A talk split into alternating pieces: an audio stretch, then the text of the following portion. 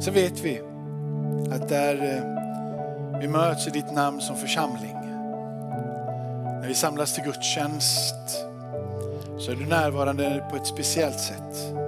Vi är i behovet av varandra. Laget som du har gett oss som församling, denna församling, alla andra församlingar, hela den stora universella församlingen. Att bära budskapet, evangeliet om frälsning genom Jesus Kristus till hela den här världen så behöver vi dig. Och du uppmanar oss genom dina apostlar och profeter att be för din församling. Att församlingen ska förstå dess uppdrag, att församlingen, vi här i det här årtusendet ska förstå vår uppgift och fylla med den kraften för att frimodigt vara vittne i en tid då det känns som ingen vill lyssna.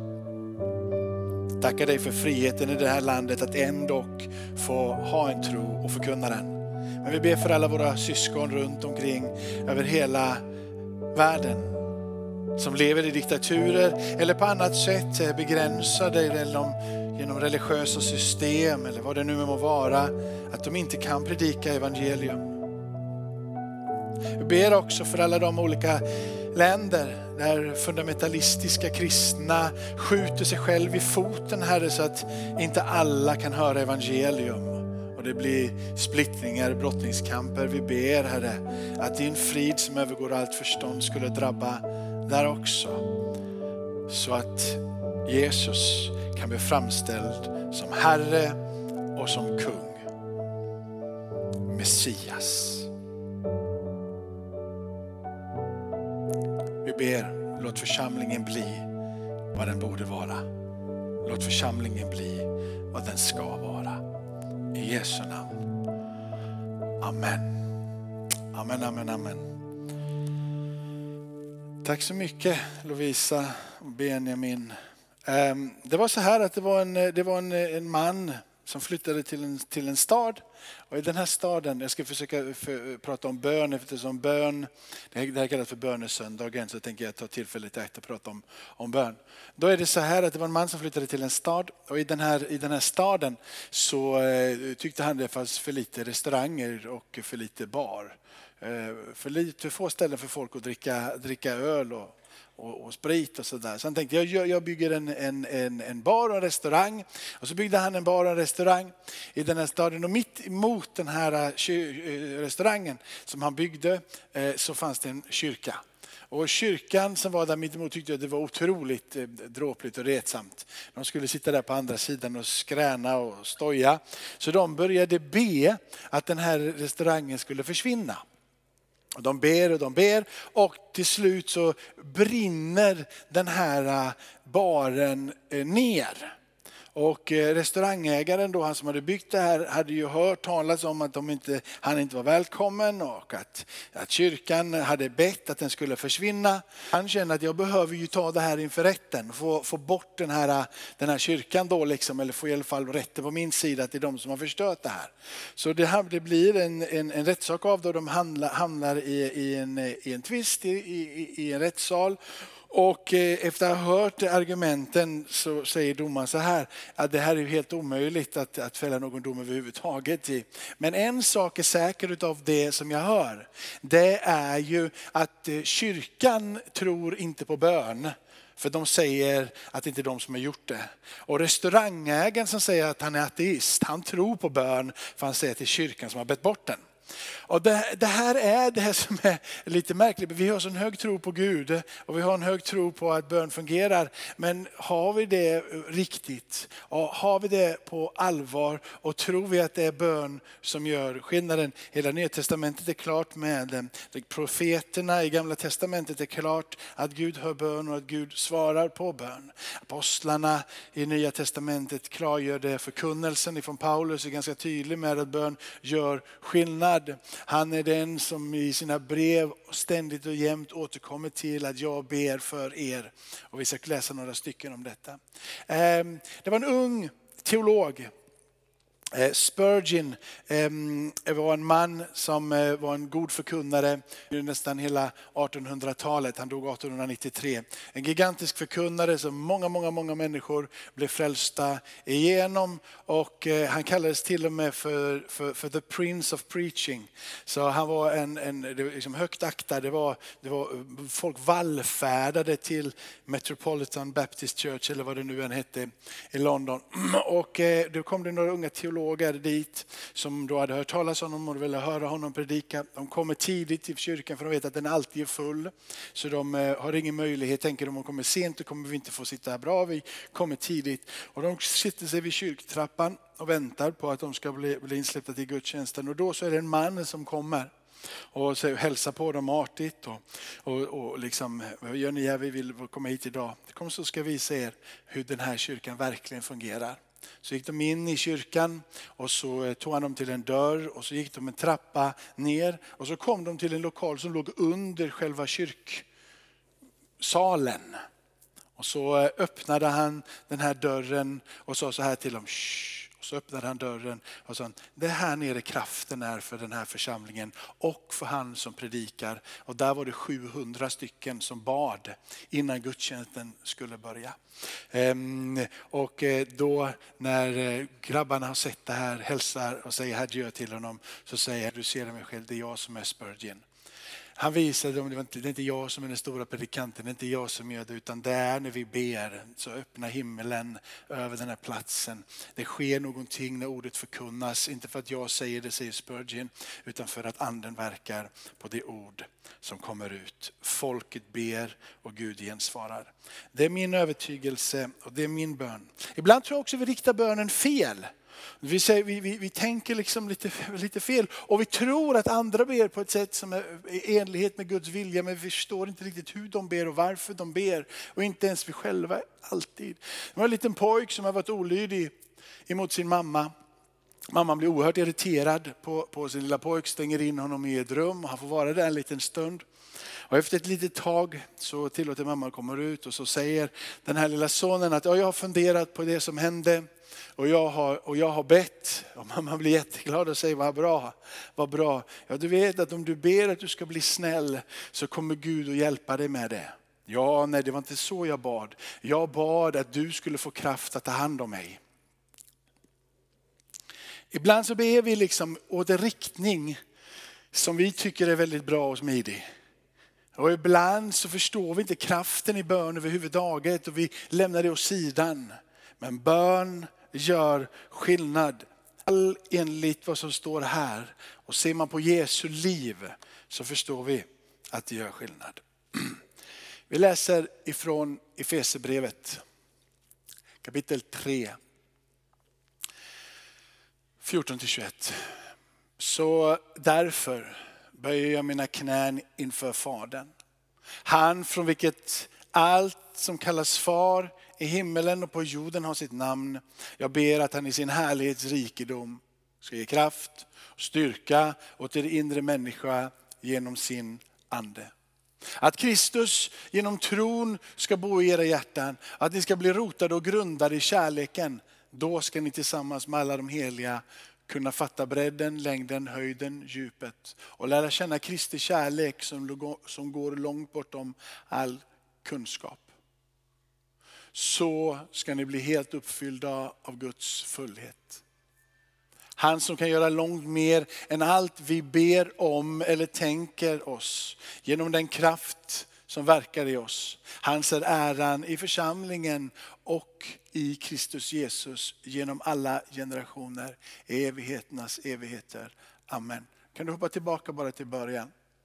Därför böjer jag mina knän inför Gud. Jag ber i sin härlighetsrikedom. Kom ihåg det. Så läser vi nästa text från Jeremia.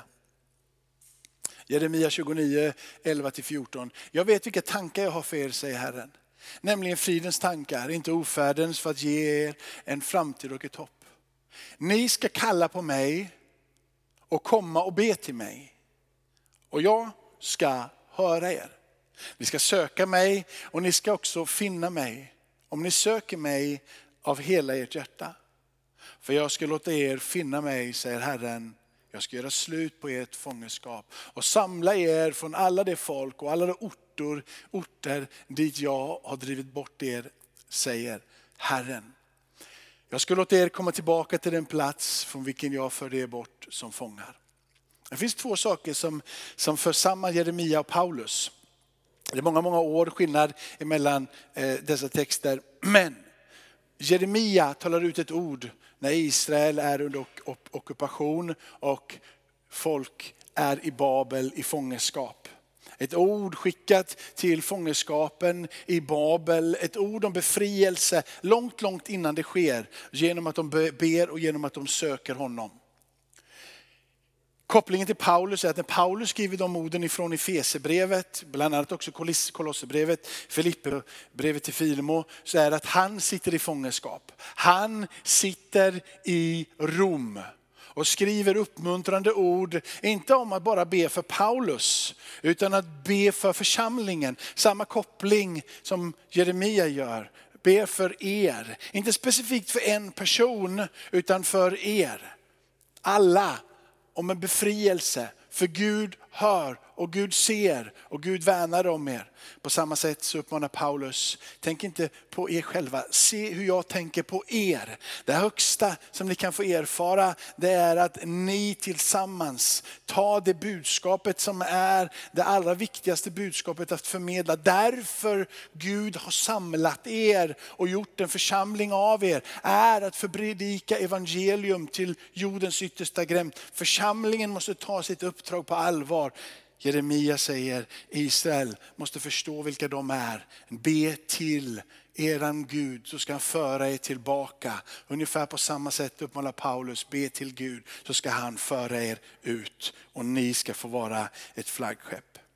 Jag ska försöka hålla mig till tre verser, 14, 15 och 16 i Efesebrevet. Böj mina knän. Vad är det att böja sina knän för Gud? Vad är det att kapitulera inför honom? Jag böjer mig. Alltså det naturliga för en israelit att be var med händerna upp mot himlen. Det var det naturliga sättet att be för en jude med händerna uppsträckta till himmelen. Så det är inte så konstigt att de kommer in i en kyrka och så står de och lyfter. Jag vet att det var en granne till mig som var i en stadskyrka för ett litet tag sedan där det var eh, ett par som skulle gifta sig och i den kyrkan hade några kommit från en lite, lite annan typ av kyrka än som normalt är i en stadskyrka. Det var ett band som spelade och det var liksom lite, mer, liksom, lite mer rörelse. Men där kom de, de blev så förvånade för de kom dit, de tyckte det var härligt, de tyckte det var bra. De kommer in i det här bröllopet och är med på den här gudstjänsten. Och folk står och lyfter händerna på den här Gud. De tyckte det var helt fantastiskt. Men det är naturligt för en kristen att lyfta sina händer till himmelen för att det är där som Gud är. Lika naturligt borde det vara för oss idag som det är för en jude då och idag att igenkänna vem det är som är Gud. Att lyfta händerna är inget karismatiskt uttryck. Det är en kapitulation inför honom. Men när Paulus säger jag böjer mina knän så är det som att han snarare kastar sig i djup desperation. Jag måste bara visa för er hur viktigt det här är. Jag kan inte stå där i en naturlig position längre med händerna Jag måste ner på mina knän. Jag måste klargöra för alla att jag nu är i en intensiv bön för er. Ni kanske borde be för mig, jag sitter i fängelse. Men det viktiga är inte att jag ska ut från fängelset. Det viktiga är att församlingen tar det budskapet på allvar som de är kallade att tala om och predika över hela jorden. Och hitta enigheten i Kristus. Så han kastar sig, jag böjer mina knän inför dig. Jag böjer mina knän. Och när jag böjer mina knän så gör jag det med ett rop till himmelen, jag ber. Så frågan är vad är det han ber för? Vad är det han ropar? Han säger innan detta så säger han därför böjer jag mig. Varför detta därför? För att han innan har klargjort att de har gått ifrån död till liv. De har gått ifrån att inte veta vilka de är till att få bli en ny skapelse i Kristus. De har fått en ny identitet i Kristus. Och från den här nya identiteten i Kristus, det tillhörighet till Gud, så säger de, därför, eller säger Paulus, därför ber jag. Och därför böjer jag mina knän. Paulus målar upp en bild. Det är det han gör innan han börjar be. Han målar upp en bild och det som jag har varit inne på här. Hur stor församlingen är, hur viktig församlingen är. Inte för sig själv men för världens skull uttryck och det var därför Jesus kom. Att världen är i kaos. Det är meningsskiljaktigheter överallt. Nationer som slåss emot varandra. Personer som bråkar. Släktfejder. Men kanske den största kampen och fighten som finns i den här världen är inte fighterna i nationerna. Är inte fighterna mellan olika människor. Utan är den inre brottningskampen som ligger där. Som delar dig själv på mitten där du inte vet vad som är rätt och riktigt. Därför ber Paulus. Församlingen är den Församlingens kallelse är den att tala enhet i en splittrad tillvaro. Att komma och tala om att människans inre kan få bli i ordning. Och blir människans inre i ordning så blir min relation till Benjamin i ordning. Och när min relation till Benjamin är i ordning så blir våran släkt i ordning. Och när våran släkt är i ordning så blir nationen i ordning. Och till slut så har du. Med kampen börjar inte långt där borta. Kampen för fred där borta, den börjar på din och min insida. Och Paulus är medveten om detta. Paulus vet det. Det är omöjligt för en församling att bära det här budskapet och ge det här budskapet om inte Kristus får vara Herre i ditt och mitt liv och att Guds kärlek får vara det som är det genomträngande. Paulus ber att kyrkan ska vara en hel kyrka en kraftfull kyrka. Och jag undrar när de ber om de här sakerna, om de bär med sig det som skedde i den tidiga församlingen. Nu några år senare här så börjar Paulus tala om hur viktigt det är med bön. Men om ni kommer ihåg, redan i kapitel 5 så sitter Petrus och apostlarna i fångenskap. De har predikat evangelium, det sker under och tecken och det sker mirakler och de är kraftfulla i sin förkunnelse. Och de hamnar i fångenskap. En ängel kommer på besök, en ängel hjälper dem ut ur fängelset. Samma sak sak händer senare i kapitel 12. Och det som händer när de blir i fångenskap direkt, i kapitel 12 och vers 5 så står det församlingen sluter sig samman i bön. Församlingen börjar be, församlingen börjar ropa hur viktigt det är att be. Och de ropar till Gud och Gud igen sänder en ängel för att rädda Petrus. Det är som om att det börjar bli naturligt med änglar runt omkring dem. Men inte bara som att de kommer sådär, utan de inser att det är bönen som är det som är den avgörande faktorn för att himlen här på jorden blir synlig genom änglarnas sändebud, direkt kommenderade ifrån Fadern själv.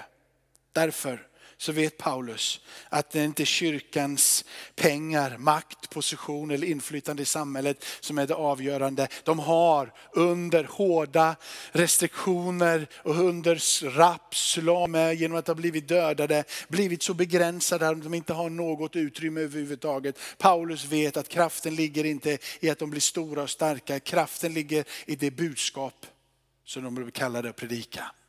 Kraften ligger i förmedlandet utav det ljus som kommer ifrån himlen. Han ödmjukt kastar sig och han ber. Attityden är klar. Han ber passionerat. Han ber till Fader som är i himmelen. En betoning, inte på den guden som i gamla testamentet var långt borta och lite svåråtkomlig och eh, inte att, inte att han, han var en hård Gud långt borta. Han har alltid varit en nådefull Gud med barmhärtighet. Men han har inte varit så nära som han är i Nya Testamentet. När Jesus kommer så är det som att i Jesus så ser vi vem Gud i sitt essen är. Vem han i grund och botten är och vill vara för alla. När han kommer så är det som Paulus försöker att i och från Jesu liv och Jesu förkunnelse kan vi förstå att Gud är en Gud som är innerlig, han är en Gud som är mild och han är en Gud som är kärleksfull. Så Paulus pratar om i, från, Jesu liv, från Jesu förkunnelse ser vi det som är det livsavgörande för varje persons liv. Det är därför ber till han som är allas fader. Han är inte bara fader generellt för allt skapat när Paulus försöker undervisa om bön och inte heller när Jesus talar om bön. När Jesus talar om bön så talar han om den innerliga platsen tillsammans med Fadern. Inte den distanserade guden som är långt borta, som är allt skapat. Men när Jesus kommer så blir han också fadern som är nära. Det blir ett faderskap av omsorg, av värme, av närhet som inte innan har blivit uppenbarat. Men nu i och från Jesu liv och Jesu förkunnelse en ny plats och en ny position för dig och mig tillsammans med Gud. I gamla testamentet så var det tydligt att Gud var så helig så rädslan för att komma han nära var till och med en rädsla för att dö. Ingen kan se Gud och överleva. I Nya Testamentet så kan du få se Gud ansikte mot ansikte. Det är två ljusårs skillnad emellan förståelsen och uppenbarelsen. I centrum för det händer och kraften för det som är bönen är relationen och närheten. Det ofrånkomliga har blivit greppbart. Det ofrånkomliga att en Gud är nära, det ogreppbara att han är hög och helig men ändå närvarande har nu fått sin tydliga skärningspunkt i Kristus. Innan så var han en Gud som bara var helig. Nu har han blivit nära, men inte så nära så att han blir sentimental med oss. Det vill säga så nära så att det är så nära så att det nästan blir kladdigt. Han är fortfarande den höga och den heliga. Och bara i Jesus så finns förståelsen om den intensiva närhet som vi kan få uppleva och den absoluta högheten och härligheten som bara kan ges ifrån han som har skapat himmel och jord. Platsen av mötet för att du och jag ska kunna be i närheten men också i högheligheten. De går samman och det blir inte konstigt. Om det hade varit bara för att han kom nära så skulle det bli som att det spelar ingen roll vilka vi är och hur vi gör. Men Bibeln är tydlig med om både helighet och renhet vilket gör att han måste respekteras. Guden som är värd all fruktan på samma sätt som han är så nära som din egen andedräkt. När Paulus talar om det så blir han inte specifikt en fader för en nation eller en person eller en specifik kyrka i våran tid. När Paulus talar om det så blir han generellt en fader för alla. På det innerliga sättet, på det nära sättet. Ingen distanserad Gud eller exklusiv Gud. Han blir för alla i alla tider en närvarande far. Han ropar Låt oss få förstå att skiljemuren är bruten, säger Paulus, och vi har blivit ett i Kristus. Han eh, pekar på att judarna har missförstått det här. Det ni judarna är inte bara en exklusiv skara som ska få ha fadern för sig själva. Han är en fader för alla, inte då generellt utan specifikt nära. Vi kan alla få gå in i det. Tänk för er som är mödrar, ert mödraskap, tar ni det på allvar? Jag tror det jag som pappa tar mitt faderskap på allvar. Om jag tar mitt faderskap på allvar och Gud som är skapad av himmel och jord vill peka på sitt eget faderskap. Hur mycket mer allvar skulle inte han ta i sitt faderskap än vad jag tar i mitt mänskliga faderskap? Kontrasten blir ganska tydliga. Han måste välja att ja, men jag gillar att vara pappa till Elton när det är fotbollsmatch eller jag gillar att vara pappa till Elton när han är snäll. Utan jag får vara pappa i alla olika livets skepnader. Även när han kommer hem senare säkerligen med dåliga betyg. Det vet vi inte, han kanske kommer med jättebra betyg. Men, men, men då måste jag vara hans pappa. Jag måste vara hans pappa när han är upprorisk och jag måste vara hans pappa när han lyckas. Föderskapet gäller allting. På samma sak är det med vår fader i himmelen. Han är inte bara din fader i himmelen, nej det är de stora ögonblicken. Han är din fader i himmelen i alla ögonblick. Han är alltid närvarande i det lilla och i det stora. Det som till synes kan vara omärkbart, där är han. Amen. Det är så som Paulus adresserar det innan han börjar prata om att det finns kraft att ta emot. Han igenkänner var det kommer ifrån och din relation med skaparen. Det är han som ger dig den kraften som du behöver. Och han gör det i Jesus. Det är Jesus som gör det och du tar emot den genom hans ande. Paulus ber att vi ska få kraft och styrka i våran inre människa genom hans ande. Vad menar Paulus när han säger att vi kan få ta emot inre kraft genom hans ande? Jag vet inte alltså, hur, det, hur det är med dig men jag blir alltid förvånad över de här människorna som bara ser upp och, och, och springer en halvmara, Göteborgsvarvet eller någonting. De är väldigt få som inte behöver träna. Oftast behöver de gå igenom någon form av träning för att orka springa de där äh, 2,2 milen. Du behöver helt enkelt mm, liksom träna upp de här delarna i dig. Äh, bön jag tror jag fungerar lite grann på samma sätt. Bön är inte någonting som bara är, vissa har det latent i sig, har nåd att be och kan be hur länge som helst. Men jag tror att merparten av oss behöver lära sig och fostras i bön. Behöver hitta ditt bönespråk, ditt sätt att komma in i Guds närvaro. Gud hör när du ber. Den inre människan, vad är den för någonting? För det är ju det man måste fråga sig. Om det är kraften för vår inre människa, vad är det då för någon inre människa som ska få kraft? Vad är själen? Och vad är det för någonting som får, som får kraft? Jag tänker att Paulus ber att den här visdomen att förstå vad som är rent och vad som är till beskydd är en av sakerna han ber för när han ber om den inre människan.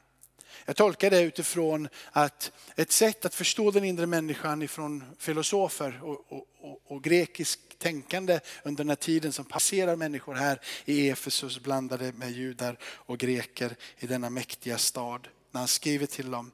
handlar om det inre, det är förnuftet, det är förståndet, det är sättet att handskas med det intellekt som du har fått. Det är en orsak och verkan, det här här uppe, hur behandlar jag de här sakerna? En annan del som de lägger in det i den inre människan är samvetet, uppfattningen av vad som är rätt rent en annan sak som innefattas av den inre människan är viljan. Viljan att hantera, viljan att göra vad som är rätt.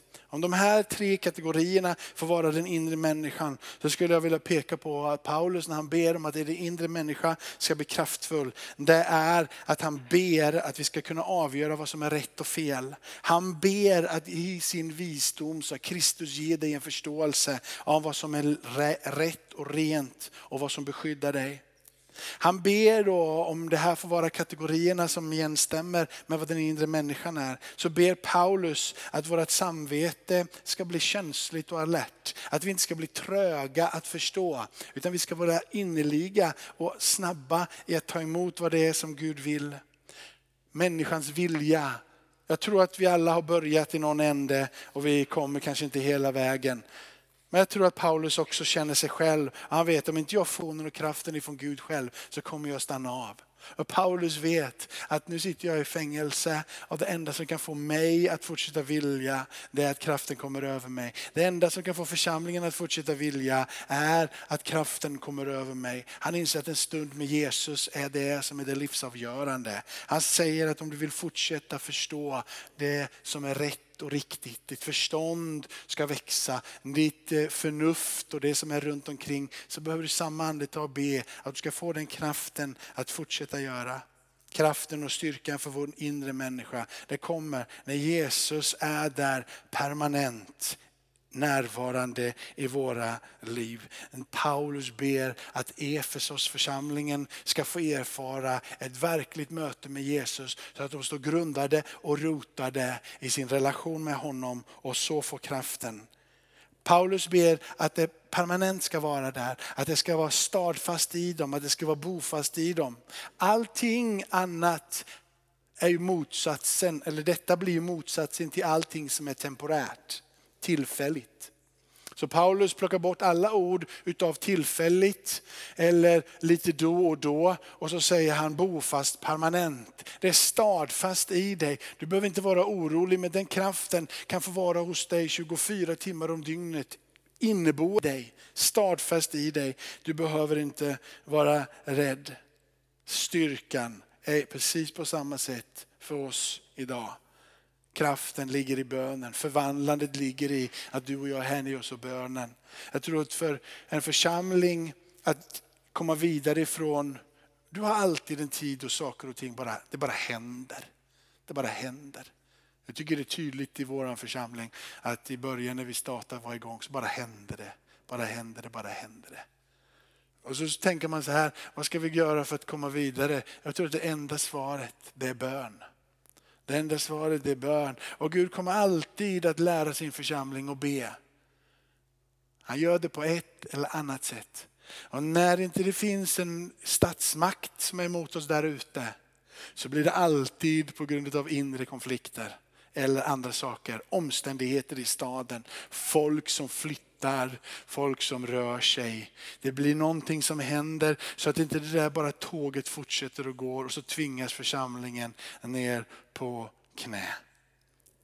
Gud kommer alltid att se till att församlingen ber. Varför? För att församlingen överlever inte utan bön. Staden går under utan bön. Det är bönen som, han kommer med besökelsetider och saker och ting bara händer. Det är som om att det bara blåser storm och du har seglen i, i, i, uppe och båten bara får vind och det bara drar vidare. Men när, när det sen lägger sig och det inte bara kommer ifrån himlen så kallar Gud och dig och mig in i bön.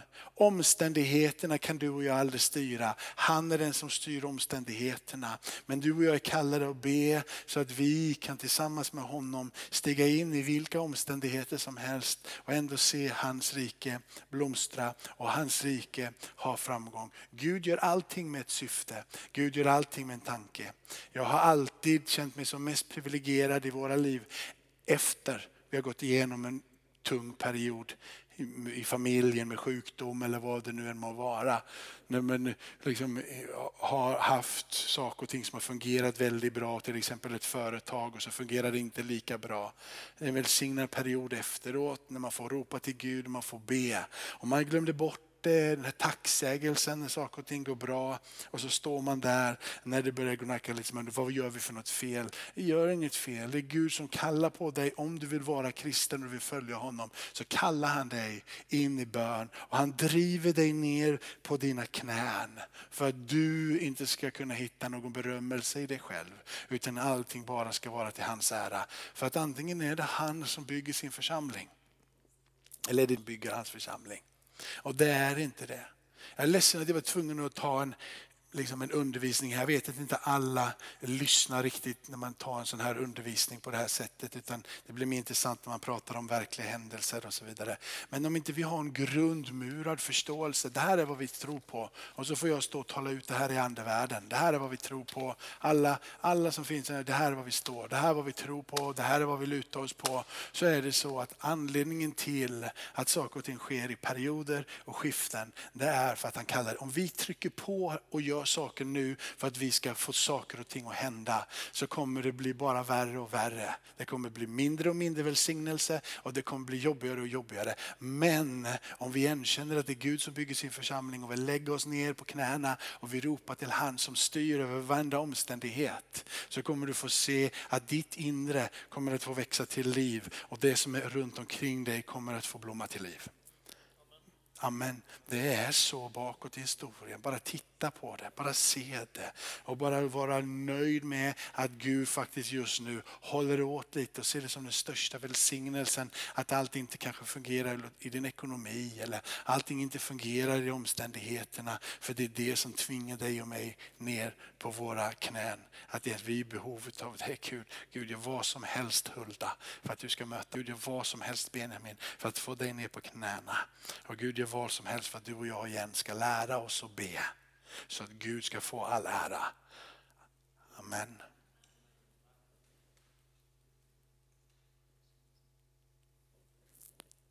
Ska vi be? Tackar dig Fader i himmelen för att du lär oss att be igen. Församlingen, Nya Testamentet, de behövde ingenting annat än rösten att ropa till himmelens Gud. De hade sett att du är en god far, att du är en fader som tar hand om både det stora och det lilla. De hade sett att du är ingen Gud som är långt borta utan du är närvarande. Så de vågade i allting ropa till dig. Tackar dig Fader i himmelen för att vi på samma sätt under våra omständigheter får släppa våra egna agendor och liksom politiska agendor eller ekonomiska agendor, vad det må vara. Falla ner och igen lära oss att be. Vi vill lära oss som församlingen på 1800-talet här då i Metropolitan Church med, med, med Spurgeon i spetsen. Där det var 700 personer som ber innan en gudstjänst. Jag kan tänka att det mullrar i himmelen.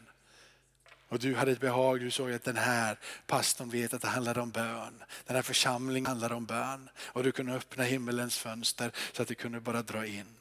Jag ber Herre att vi på samma sätt som den tidiga kyrkan inte skulle få eh, känna att vi behöver lita på politiskt inflytande, att vi inte behöver lita på omständigheterna, att vi inte behöver hålla fast vid det som vi red på ytan tycker är viktigt, utan att vi får komma in inför dig Herre, så att du kan ta oss in i platser där vi kan få samspråka med politiker, där vi kan få se att pengar finns Herre, där vi kan se allt det där. Men vi ber, lär oss nu Herre, i den här tiden, i den här perioden, att be och ropa till dig Herre.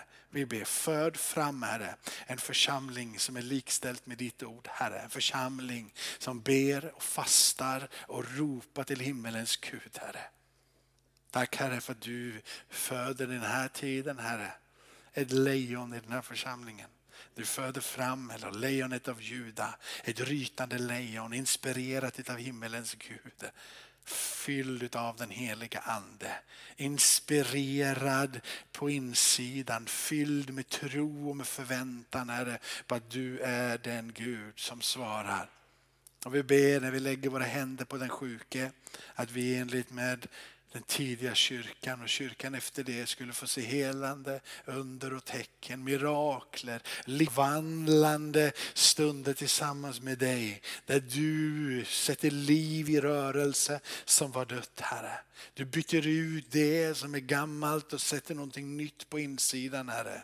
Tack för själars frälsning, tack för en öppen dopgrav, tack för att du Gud, du är och färdig att göra ditt mirakel. Halleluja. Vi prisar dig Herre. Lovat vare Jesus.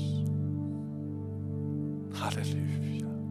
Därför att du lär oss att finna styrkan i dig. Du lär oss att finna kraften i dig.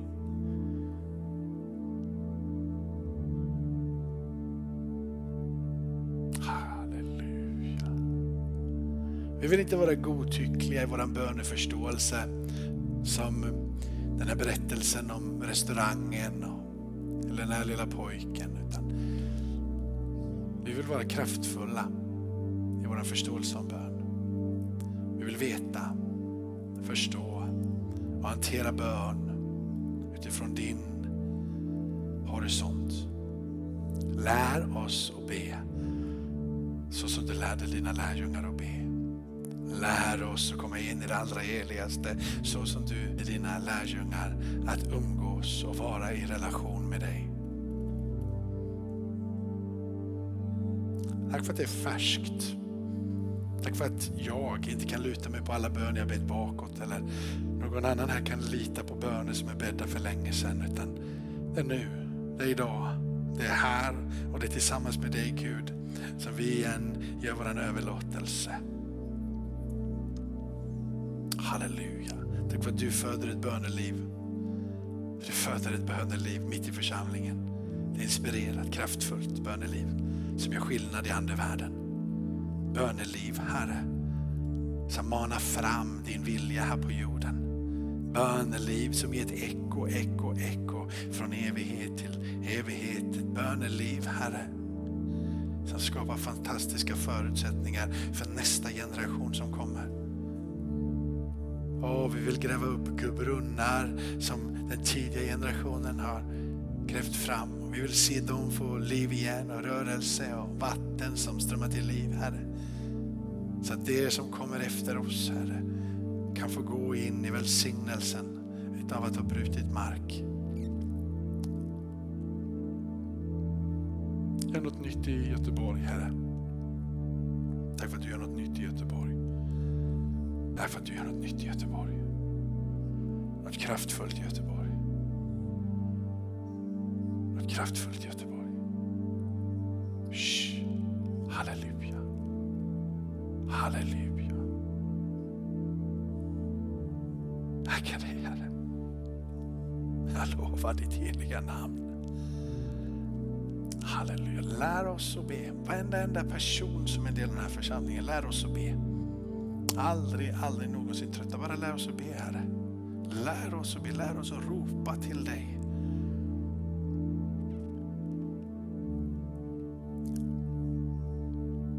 Tack för att du bryter sönder religiösa förut fattade meningar, religiösa mönster, systemet där vi har skapat och sagt att på, på det här sättet ska man göra det eller vad det nu än må vara. Vi vill, vi vill vara nya med dig, vi vill vara fräscha med dig, vi vill vara här och nu tillsammans med dig. Tack för att vi får liksom bygga nytt. Va? Tack för att du möter varje generation. Kristenheten som vi vet är bara en generation bort från att dö. Varje generation är viktig. Vi behöver ett möte med dig. Varje generation behövs förvandlande nedslag ifrån himmelen. Och vi ber, låt oss få vara en del av det. Lär oss att be så att vi kan be fram det du vill göra, så vi kan be ut det du vill göra. Så vi kan be, så vi får se det du gör ske.